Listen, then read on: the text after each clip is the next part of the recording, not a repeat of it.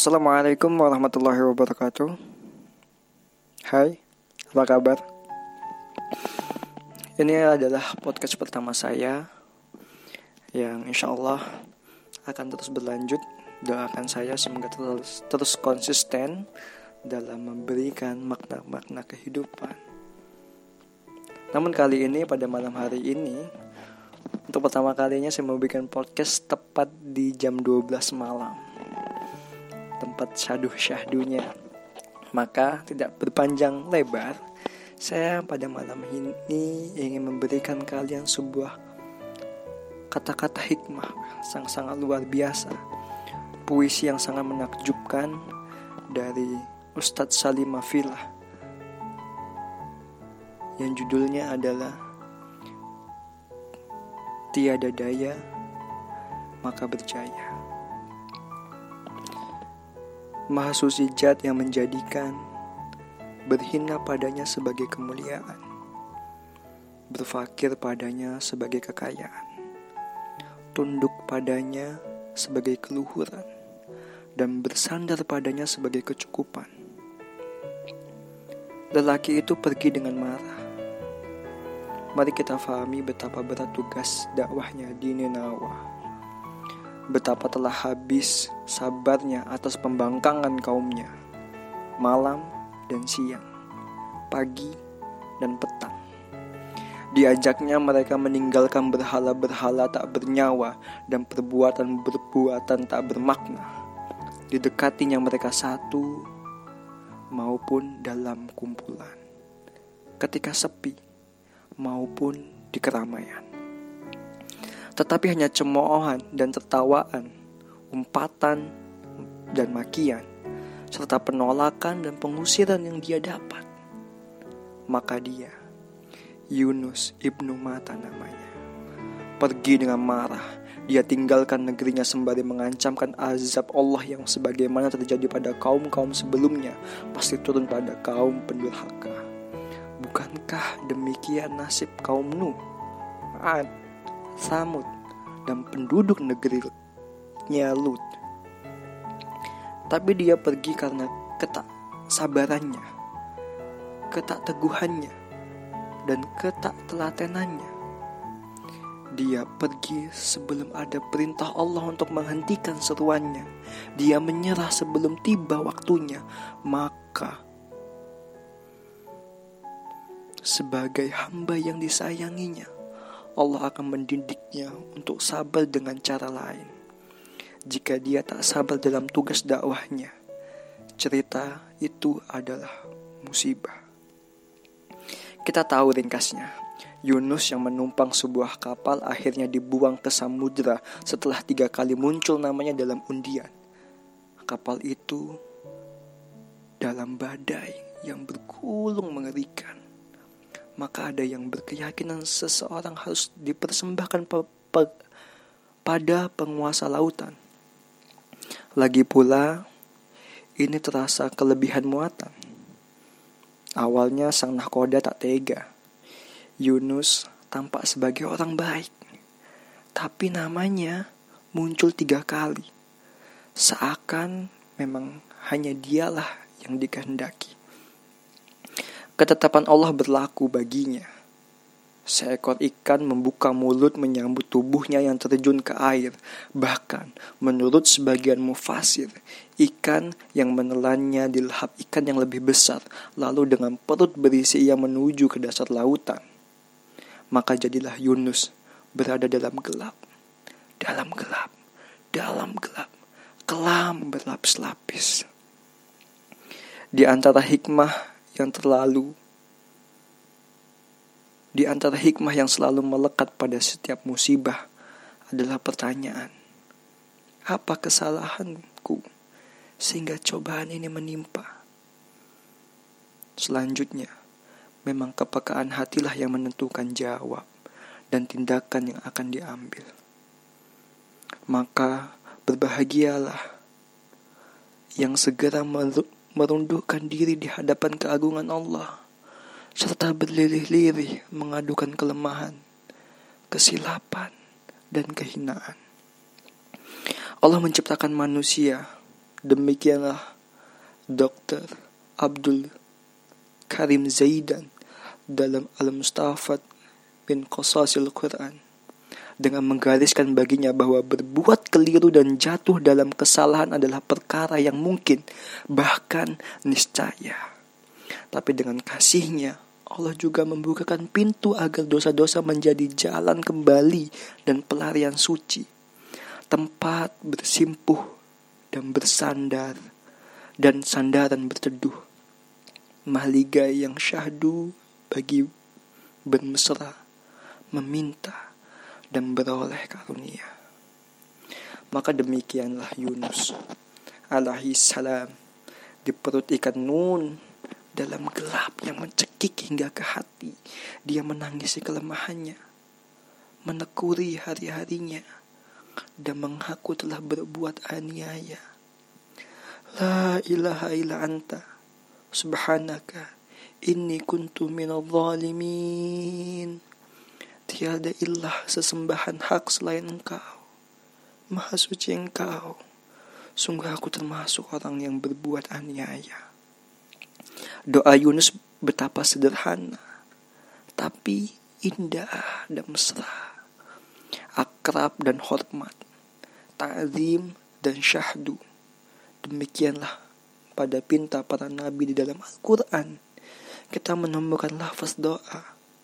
Ruh tauhid sekaligus keindahan adab.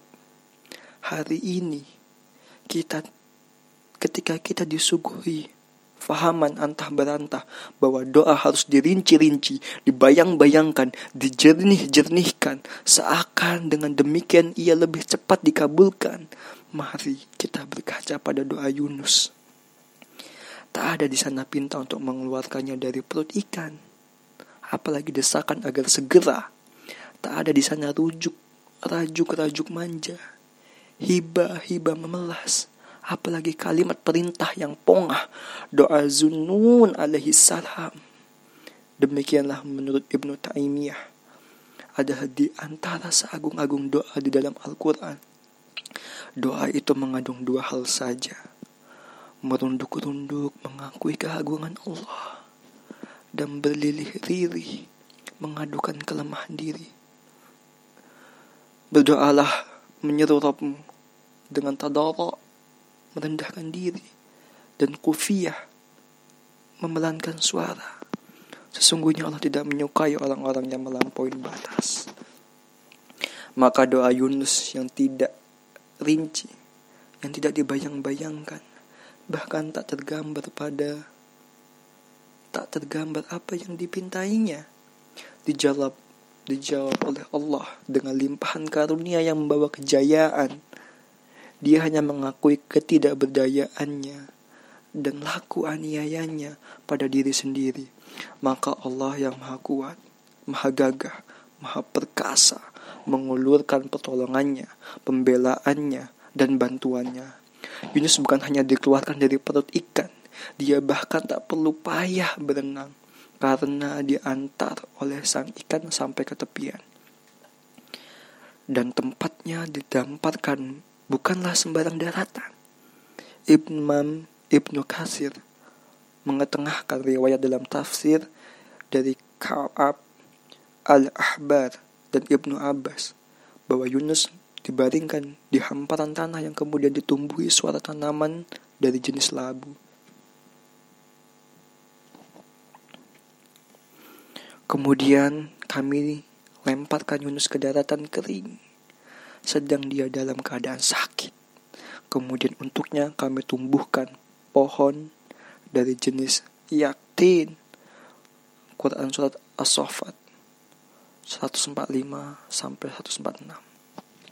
Selazimnya seseorang yang terkurung dalam gelap di kedalaman la di kedalaman laut selama waktu yang panjang, maka Yunus pun sakit. Keadaan beliau seumpama burung yang kehilangan seluruh bulunya. Ujar Ibnu Masud menafsir. Adapun menurut Ibnu Abbas, beliau bagikan bayi yang baru dilahirkan, ringkih, tak terlindung, rumit, dan rentan. Pohon yakin, demikian masih menurut Ibnu Abbas, adalah kor'u dari jenis labu yang disukai lalat dan serangga sehingga dia menaungi Yunus hingga terjaga. Ketika Yunus siuman, secara naluriah dia menggapai buah yang ada di dekatnya, kemudian memakannya. Buah tanaman itu yang mengandung air, gizi, dan zat-zat bermanfaat amat mudah dicerna oleh tubuhnya. Khasiatnya menjalari seluruh pembuluh dan sendi, merasuki semua sumsum -sum dan pori, memulihkan tenaga, dan kesentausaannya sakit, payah, dan terganggunya faal badan akibat berpuluh hari di dalam perut ikan dan di dasar lautan. Kini pulih sehat dan bertambah afiat. Nabi Yunus pun bugar kembali, bersemangat dan berjanji pada Allah untuk nanti teguh, istiqamah dan tak menyerah dalam berdakwah pada kaumnya. Apa pun yang akan terjadi di hadapannya, tetapi alangkah takjub penuh syukur dia. Sebab ketika kembali ke Ninawa, seluruh kaumnya justru telah beriman pada Allah. Jumlah mereka lebih dari seratus ribu orang kiranya. Betapa berkah doa Yunus. Bukan hanya menjadi karunia keselamatan dirinya. Doa itu bahkan menjadi anugerah hidayah bagi begitu banyak manusia dari kaumnya. Dakwah Yunus berjaya. Tepat pada saat dia merasa dan mengaku bahwa dirinya berdosa di hadapan Allah yang Maha Kuasa. Dakwah Yunus berjaya ketika dia mengakui dirinya aniaya dan hatinya tunduk memuliakan Allah Azza wa Jalla. Dakwah Yunus berjaya ketika dia merasa tak berdaya. Di lapis-lapis keberkahan, berjayalah hamba yang merasa tak berdaya tanpanya.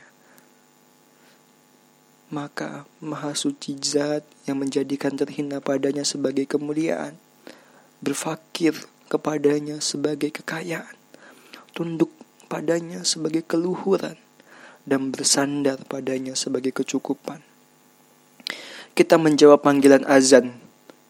Kita diseru untuk sholat dan dipanggil menuju kejayaan, bukan dengan kepercayaan diri menggebu-gebu, bukan juga dengan keyakinan jiwa menderu-deru, bukan pula dengan rasa pasti mampu yang berseru-seru. Hayya ala salah. Marilah salat. Ajak muazin. Jawab kita bukan siap, bisa, pasti bisa, luar biasa. Hayya ala falah. Mari menuju keberhasilan, kemenangan, dan kejayaan. Sambung muazin. Dan kita jawab, kita bukan pula saya, saya, ya Nabi Shallallahu Alaihi Wasallam setakwa-takwa manusia, setaat-taat hamba dan sekuat-sekuat pengabdi Robnya mengajarkan sebuah jawaban yang apa adanya tentang betapa lemahnya kita. Ungkapan paling jujur itu adalah La haula wa la quwata illa billah. Tiada daya untuk menghindar dari keburukan dan tiada kekuatan untuk melaksanakan ketaatan selain dengan pertolongan Allah yang maha tinggi lagi maha agung. Ketika kaki melangkah keluar dari rumah, maka tuntunan doa bagi kita adalah kita ada dalam hadis sahih dari Anas ibnu Malik yang terekam dalam Sunan Abu Dawud dan Sunan At-Tirmidzi bahwasanya Rasulullah Shallallahu Alaihi Wasallam bersabda, jika seorang di antara kalian keluar dari rumahnya lalu mengucapkan Bismillahirrahmanirrahim dengan nama Allah, aku bertawakal kepada Allah. Tiada daya dan kekuatan kecuali dengan kuasa Allah. Maka pada saat itu akan dikatakan kepadanya, kamu telah mendapatkan petunjuk, telah diberi kecukupan, dan mendapatkan penjagaan. Hingga syaitan-syaitan menjauh darinya. Lalu syaitan yang lainnya berkata kepada syaitan yang ingin menggodanya. Bagaimana kau akan menggoda seorang laki-laki yang telah mendapatkan petunjuk, kecukupan, dan penjagaan? Dengan asma Allah adalah ikrar iman kita. Tak ada tempat baginya selainnya. Bahkan nama kita. Dalam berangkat maupun kembali. Berjalan maupun berhenti. Dikala pulang maupun pergi. Hanya namanya yang layak diagungkan di setiap tapak dan langkah. Berjalan dan berkendara. Hatta hingga jatuh dan bangunnya. Semua dalam nama Allah agar kita menghadapkan wajah padanya dengan lurus dan berserah diri. Selanjutnya kita mengisyafi bahwa hanya Allah lah sandaran terkuat, terkokoh, terhebat, bukan diri, ilmu, ataupun hal-hal yang kita daku sebagai milik yang menjadi tempat bergantung, bukan anak maupun pasangan, bukan kerabat maupun kawan, bukan rekam, bukan rekan ataupun atasan. Aku bertawakal hanya kepada Allah. Adalah ikrar kepasrahan kita bahwa tiap tapak yang terayun serta tiap langkah yang terpijak ini Allah lah yang mengatur, mengarahkan dan menempatkannya. Dan akhirnya tiada daya untuk menghindar dari maksiat dan keburukan serta tiada kekuatan untuk menunaikan ketaatan dan meraih kebaikan, melainkan dengan kuasa dan pertolongan Allah. Inilah kealpaan kita yang mudah tergoda, maka hanya dari Allah pembentengannya. Inilah kerawanan kita yang dalam bahaya, maka hanya dari Allah perlindungannya. Inilah kemalasan yang kita sering tak hendak, maka hanya dari Allah semangat dan kemampuannya. Inilah kelembekan kita yang tak menjaga kau, yang tak menjangkau, maka hanya dari Allah penggapaian. Demikianlah, dilapis-lapis keberkahan, tiap helaan nafas, tiap jantung, detakan jantung, dan tiap denyutan nadi terjalani dengan asma Allah, dengan tawakal pada Allah, dengan pengakuan bahwa tiada daya dan kekuatan kecuali dengan karunia Allah sebab kita mengerti pengakuan atas ketidakberdayaan di hadapan yang maha jaya adalah sumber kekuatan yang tak pernah kering dan tak pernah habis, tak pernah berakhir.